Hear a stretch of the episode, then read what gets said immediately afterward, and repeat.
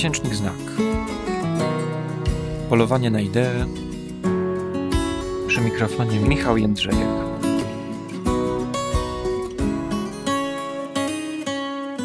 Zapraszamy do słuchania. Dzisiaj odcinek o Oliverze Zaksie, brytyjskim neurologu i filozofującym pisarzu, autorze znanych w Polsce bardzo dobrze książek takich jak Mężczyzna, który pomylił swoją żonę z kapeluszem, czy Przebudzenia. Poznałem jego pracę na pierwszym roku studiów na UJOcie. Pamiętam dobrze kurs wprowadzający do filozofii, który prowadził świetny wykładowca Stefan Klemczak. I on analizowane teksty filozoficzne uzupełniał przykładami z literatury pięknej czy z prac popularno-naukowych. Gdy więc biedziliśmy się nad Kartezjuszem, Lokiem i Kantem oraz pytaniami o to, które elementy naszego poznania czy naszego aparatu intelektualnego są wrodzone, a które nabyte dzięki doświadczeniu, nasz nauczyciel przyniósł antropologa na Marsie, Zaksa. Przeczytał fragmenty jednego z rozdziałów, a nasza trójka, bo zajęcia były prowadzone dla bardzo kameralnej grupy, słuchała ich niczym nieco smutnej baśni albo opowieści o niezwykłej, dalekiej krainie. Bohaterem był Virgil, mężczyzna niewidomy od wczesnego dzieciństwa, ceniony masażysta, wiodący spokojne życie. Gdy miał 50 lat, okazało się, że otrzymał w przeszłości błędną diagnozę i po stosunkowo prostym zabiegu zdjęcia katarakty będzie mógł odzyskać wzrok. Mimo pewnych wahań zdecydował się na operację. Inaczej jednak niż w przypadku opisanych w Nowym Testamencie cudów Jezusa, niewidomy Virgil nie przejrzał od razu. Początkowo dostrzegał tylko chaos światła, barw i ruchu. Przez długie tygodnie uczył się łączenia różnych obiektów w całość. Widział łapy, nos, ogon, ale nie dostrzegał całego kota. Nie potrafił ich umieścić w trójwymiarowej przestrzeni. Okazało się, że wizualna percepcja nie jest czymś naturalnym, lecz wymaga długiej nauki. U małych dzieci, których kora mózgowa gotowa jest zaadaptować się do różnych form postrzegania, proces uczenia przebiega dość szybko. Inaczej jest jednak z człowiekiem dorosłym. Przypadki przywrócenia wzroku po dekadach niewidzenia są niezwykle rzadkie. Virgil wraz z niepełnym odzyskaniem wzroku i odłożeniem laski dla niewidomych stracił dawną pewność ruchów i samowystarczalność. Gdy po kilku miesiącach w wyniku ataku innej choroby ponownie utracił wzrok, poczuł ulgę. Jak pisze Zaks, wrócił do świata tych zmysłów, które dobrze zna, do swojego prawdziwego domu.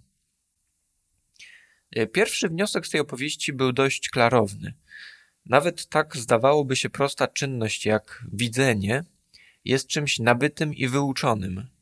Od urodzenia mamy zdolność jedynie do postrzegania niezorganizowanych barw i ruchu. Jednak brytyjski neurolog w tej krótkiej historii swojego pacjenta przemycił o wiele więcej niż argument filozoficznej dyskusji.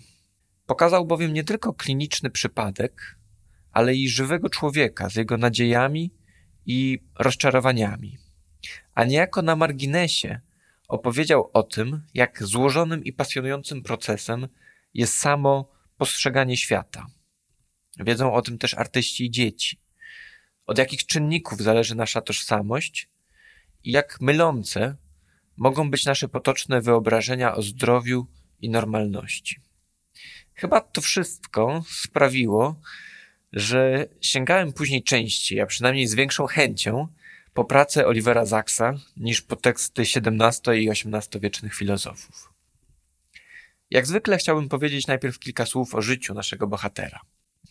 Zaks, którego możemy oglądać na filmach dokumentalnych i na dostępnych w internecie zapisach jego popularnych odczytów, to już jest z reguły taki starszy pan, siwy, w okularach, z delikatnym, nieśmiałym uśmiechem. Gdy sięgniemy natomiast po jego autobiografię pod tytułem Stale w ruchu, zobaczymy na okładce młodego, potężnie zbudowanego, witalnego mężczyznę w obcisłej skórzanej kurtce na leśniącym motocyklu BMW R60. Aż trudno uwierzyć, że to jest ten sam człowiek. Ten pierwszy Zaks, nieśmiały i nieco safandułowaty, znalazł swój filmowy odpowiednik w postaci granej przez Robina Williamsa w Przebudzeniach. Film powstał na początku lat 90., a oparty został na wspomnianej już przeze mnie książce Zaksa pod tym samym tytułem, której opisywał on niezwykłe wydarzenia ze swojej praktyki szpitalnej z drugiej połowy lat 60. Spotkał wówczas grupę osób dotkniętych taką chorobą, jednostką chorobową, która nazywa się śpiączkowym zapaleniem mózgu. Epidemia tego śpiączkowego zapalenia mózgu przypadła kilka dekad wcześniej, zabijając tysiące ludzi, a ci, którzy jak się zdawało wyzdrowieli, zaczęli mieć dziwne objawy. Część z nich po jakimś czasie zastygała w nietypowych pozach i trwała tak wiele lat, budząc się tylko na chwilę i poruszając na przykład pod wpływem muzyki. Zaks postanowił podać im L-dopę, nowy wówczas eksperymentalny lek stosowany w terapii choroby Parkinsona. Rezultaty okazały się oszałamiające. Na oddziale nastąpiło radosne przebudzenie. Chorzy od lat znajdujący się w stanie zawieszenia odzyskiwali świadomość i zdolność poruszania się. Jednakże niedługo później pojawiły się dotkliwe efekty uboczne, nieznośne fluktuacje stanu chorych, którym towarzyszyło ograniczenie pierwotnej skuteczności leku. Powrót pacjentów do życiowej sprawności okazał się chwilowy. Na planie przebudzeń Zaks pracował zarówno z Robinem Williamsem, grającym lekarza, jak i z odgrywającym rolę pacjenta Robertem De Niro. Wspominał w swojej autobiografii, jak niezwykle ciekawe, ale i krępujące było przypatrywanie się, gdy Williams, obdarzony fantastycznymi zdolnościami do naśladowania, powoli przyjmował jego postawę, gesty i sposób mówienia. De Niro spędził zaś wiele czasu na rozmowach i obserwacji chorych. Obaj stworzyli pamiętne kreacje, a film, który przedstawia całą tę historię w sposób dodatkowo udramatyzowany i nieco hollywoodzki, budzi, jak sądzę, autentyczne wzruszenie. Drugiego Zaksa, tego motocyklistę w skórzanej kurtce, poznajemy na kartach jego autobiografii. Urodzony w 1933 roku w Londynie, w rodzinie zasymilowanych Żydów, lekarzy, od dzieciństwa przejawiał rozmaite zdolności naukowe. Po skończeniu studiów medycznych na Oksfordzie, konstatując żartobliwie, że w jego otoczeniu jest i tak zbyt wielu lekarzy o nazwisku Zaks, również jego bracia zdecydowali się na ten zawód, wyjechał do USA i tam mieszkał już do końca życia. O ile pierwszy motocykl kupił w wieku 18 lat, o tyle to właśnie za oceanem w pełni wykorzystał ten środek transportu, objeżdżając całe Stany wzdłuż i wszerz. To nie jedyna oryginalna pasja Zaksa. Postanowił też spróbować swoich sił w podnoszeniu ciężarów. Nie bez dumy opisuje w autobiografii swoje rekordy, w tym pełen przysiad z 270 kg na barkach. Częścią kolorytu Ameryki lat 60., ale i jego osobistych zainteresowań mechanizmami percepcji, były też eksperymenty z narkotykami. Choć niekiedy przynosiły one, jak pisał, amfetaminowe olśnienia, to doprowadziły też do uzależnienia, z którego wydobywał się przez kilka dobrych lat. Długo nieznany pozostawał homoseksualizm Zaksa. W autobiografii, w której dokonał coming outu, opisywał, że gdy w wieku 18 lat powiedział rodzicom o swojej orientacji, jego matka, lekarka i osoba, z którą do końca życia miał dobry kontakt, powiedziała mu tak: Jesteś sprośny. Żałuję, że cię w ogóle urodziłam. W Anglii lat 50. stosunki homoseksualne były karane. Sankcji doświadczył m.in. Alan Turing, słynny matematyk i kryptolog, który, aby uniknąć więzienia za seks z mężczyzną, poddał się terapii hormonalnej, a niedługo po jej ukończeniu popełnił samobójstwo. Młody Olivier nawiązywał krótsze i dłuższe znajomości z innymi gejami, niekiedy wyjeżdżając w tym celu do bardziej liberalnego Amsterdamu, a później korzystając ze swobodnej atmosfery Kalifornii. Na marginesie dodam, że pewien mój znajomy przedstawił interesującą i być może trafną hipotezę, interpretującą tę witalność Zaksa jako reakcję na odrzucenie jego homoseksualności. To jest ta trauma, jaką było odrzucenie przez rodzinę, sprawiała, że musiał tym bardziej eksponować swoją męskość i siłę, na przykład przez podnoszenie ciężarów. A skórzana kurtka i motocykl to być może stylizacja w duchu gejowskiej subkultury tzw. Tak skórzaków, znanych m.in. z rysunków Toma of Finland. Z czasem Zaks zdecydował się na życie w samotności. Stale w ruchu, bez skrępowania przywołuje zabawną anegdotę. Gdy w 2007 roku, jako 74-latek, miał objąć stanowisko profesora na Uniwersytecie Columbia, musiał przejść standardowy wywiad medyczny. Towarzyszyła mu jego asystentka, a wywiad prowadziła pielęgniarka. Gdy spytała go, czy może w obecności asystentki zadać mu intymne pytanie, Zaks odrzekł, że owszem, gdyż nie ma przed nią tajemnic i dodał, spodziewając się o co chodzi. Nie uprawiałem seksu od 35 lat. Och, biedaku, odpowiedziała pielęgniarka. Trzeba będzie coś z tym zrobić. W atmosferze ogólnej wesołości dodała, że chciała zapytać tylko o numer ubezpieczenia. Rok później Zaks poznał młodszego o blisko 30 lat pisarza Billiego Heisa. Polubili się, zakochali w sobie, a następnie stworzyli stabilny i pełen humoru związek.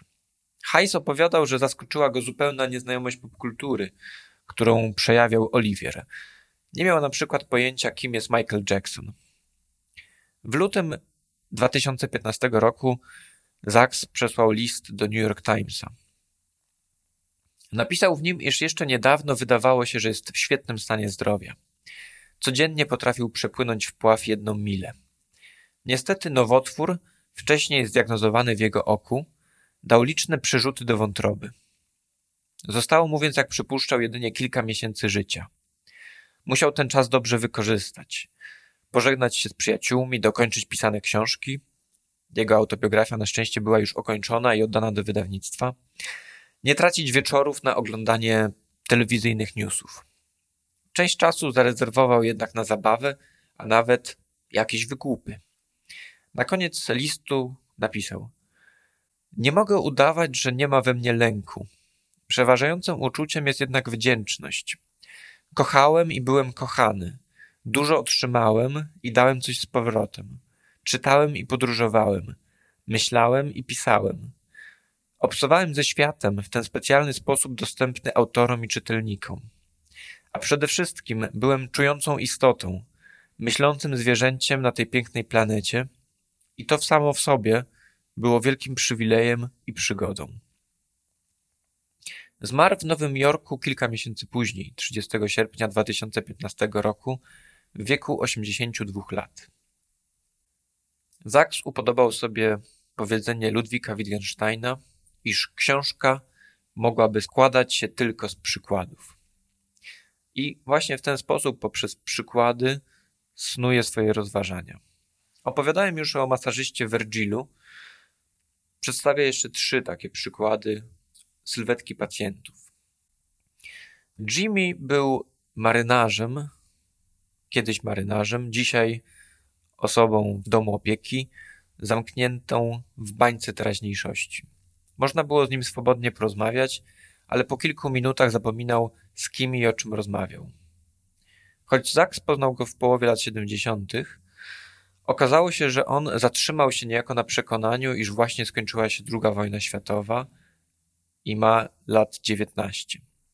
Gdy patrzył w lustro, był przerażony widokiem siwizny i zmarszczek na swojej twarzy.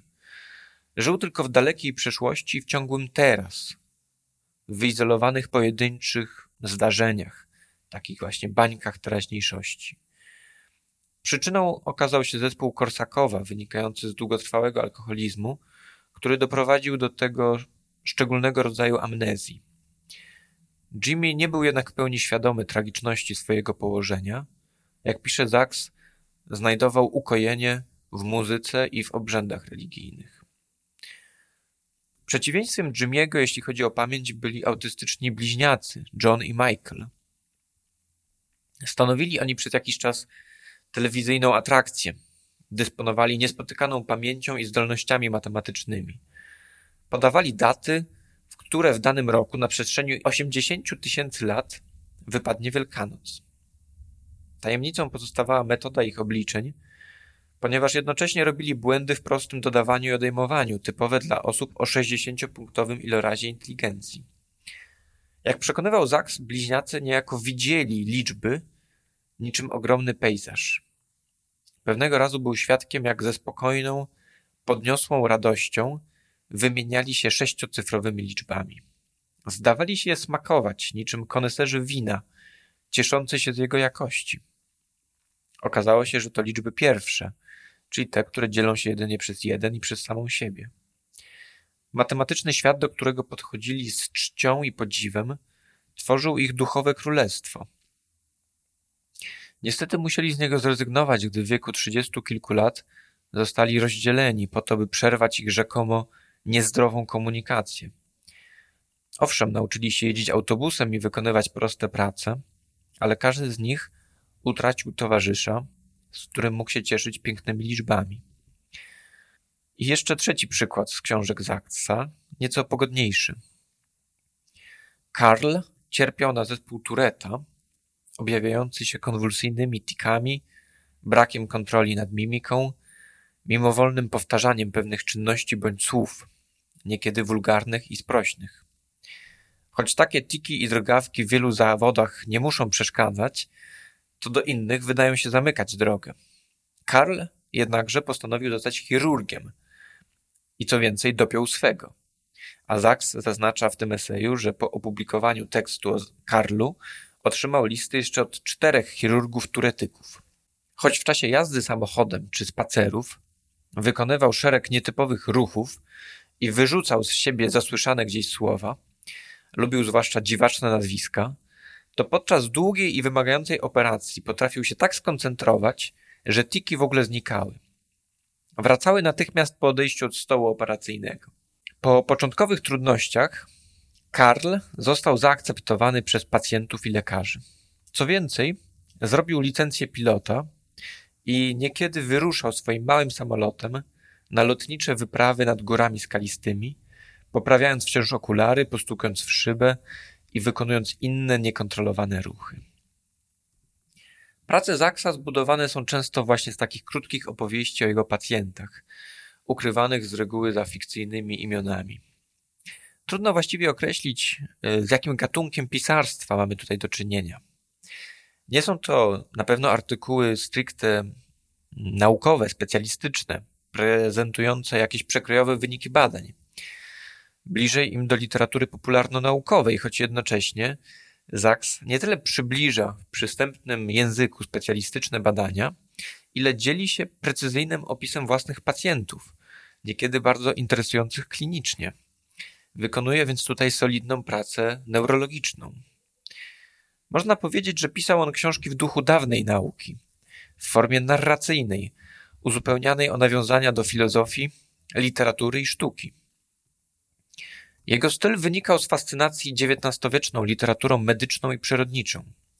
Chętnie czytał prace Darwina, Wallace'a czy Freuda, którzy łączyli teoretyczne bogactwo z urodą literackiego opisu. Wspominał, że w szpitalu ze zdziwieniem traktowano jego propozycje, by szukać inspiracji u wielkich neurologów sprzed stulecia i porównywać ich obserwacje ze współczesnymi. Z reguły teksty mające więcej niż pięć lat postrzegano jako przestarzałe. Inspirację Zak znajdował m.in. w książkach znakomitego rosyjskiego uczonego, twórcy neuropsychologii, Aleksandra Wurri. Po polsku dostępne jest jego błyskotliwe studium o wybitnym mnemoniście. Chciałoby się powiedzieć, że w zaksowskim stylu, choć napisane przecież nieco wcześniej, mówię o książce pod tytułem O pamięci, która nie znała granic. Można sobie wyobrazić wzruszenie Zaksa, gdy po publikacji Przebudzeń otrzymał list od swojego mistrza. Łuria pisał: Zawsze uważałem, a nawet byłem pewien, że dobry kliniczny opis przypadków chorobowych ma wielkie znaczenie w medycynie, a zwłaszcza w neurologii i psychiatrii. Na nieszczęście talent opisowy, tak powszechny u wielkich XIX-wiecznych neurologów i psychiatrów, jest teraz w zaniku Niewykluczone, iż na skutek fundamentalnie błędnego przekonania, że urządzenia mechaniczne i elektryczne mogą zastąpić badanie osobowości. Pański znakomity przykład pokazuje, że ta ważna tradycja szczegółowego badania przypadków może znowu odżyć i to z jakim wspaniałym skutkiem. W XIX-wiecznej nauce urzekała Zaksa szczególna atmosfera, napędzana w dużym stopniu przez poznawczą ciekawość amatorów samouków. Zaks miał bardzo bogate zainteresowania. Pisał nie tylko o zagadnieniach neurologicznych i psychiatrycznych, ale żywo interesował się też m.in. biologią morską, układem nerwowym różnych prymitywnych organizmów, był członkiem amerykańskiego towarzystwa paproci. Świetnie tę mnogość zainteresowań pokazuje zbiór Zaksa pod tytułem Wszystko na swoim miejscu, e, wydany już pośmiertnie. Interesowały go problemy konkretnych pacjentów i to, jak wyłaniają się z nich wielkie tematy filozoficzne i medyczne. A mniej uwagi potrafił poświęcić żmudnemu badaniu stojących za chorobą mechanizmów. Zaks jest dla mnie wcieleniem jakiejś najszlachetniejszej części tradycji humanistycznej czy oświeceniowej, wierzącej w człowieka, dostrzegającej w nim wielkie bogactwo intelektualne i emocjonalne, pełnej ciekawości, zdolnej do zachwytu i wdzięczności wobec życia, nawet jeżeli jest ono dotknięte kruchością, chorobami i śmiercią. Zaks wydawał się lubić życie i świat i znajdował w nim ciągle coś godnego uwagi i godnego ciekawości. Wróćmy na koniec do naszych bohaterów. Niewidomego Vergila, Jimiego, marynarza bez pamięci, autystycznych bliźniaków kochających liczby pierwsze, czy Karla, chirurga z zespołem Tureta. Gdy czyta się opowieści Zaksa, najpierw budzą one zdumienie i zaciekawienie, uruchamiają wyobraźnię. Zaczynamy myśleć o różnych światach, w których żyjemy jako ludzie, jako istoty żywe, kształtowane przez specyfikę naszej percepcji, pamięci, zdolności intelektualnych. Następnie zaś przychodzą uczucia głębokiego szacunku i empatii dla przedstawionych bohaterów. Choć każdy człowiek, w tym człowiek chory, zasługuje na szacunek, w praktyce jest to często jedynie formalna zasada. Zostaje ona wypełniona treścią dopiero wtedy, gdy druga osoba wzbudza w nas autentyczną chęć poznania jej, na przykład z tego powodu, że przeżywa rzeczywistość inaczej niż my. Okazuje się, że intelektualne zaciekawienie może nieść ze sobą etyczne konsekwencje. Zaksowi zarzucano niekiedy, że wybiera pacjentów nietypowych, takich, o których można snuć filozoficzne przypowieści, że inaczej wygląda los większości chorych.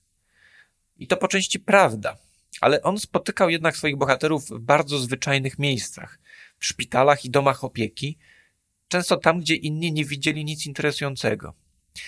Jednocześnie o pacjentach z niezwykłymi przypadłościami pisał jako każdym z nas, uwzględniając ich relacje z bliskimi, usposobienie czy hobby. I wydaje mi się, że właśnie dostrzeganie niezwykłości w tym, co zwykłe i zwykłości w tym, co niezwykłe, to najważniejsza i prawdziwie odmieniająca życie zdolność Olivera Saxa. Dziękuję za wysłuchanie tego podcastu do końca. Był on oparty na tekście, który opublikowałem w znaku w numerze Jak pięknie różnią się nasze mózgi w marcu 2019 roku.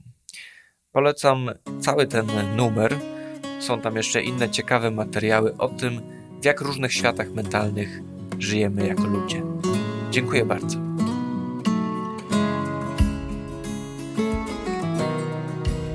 Zapraszam na stronę miesięcznikznak.com.pl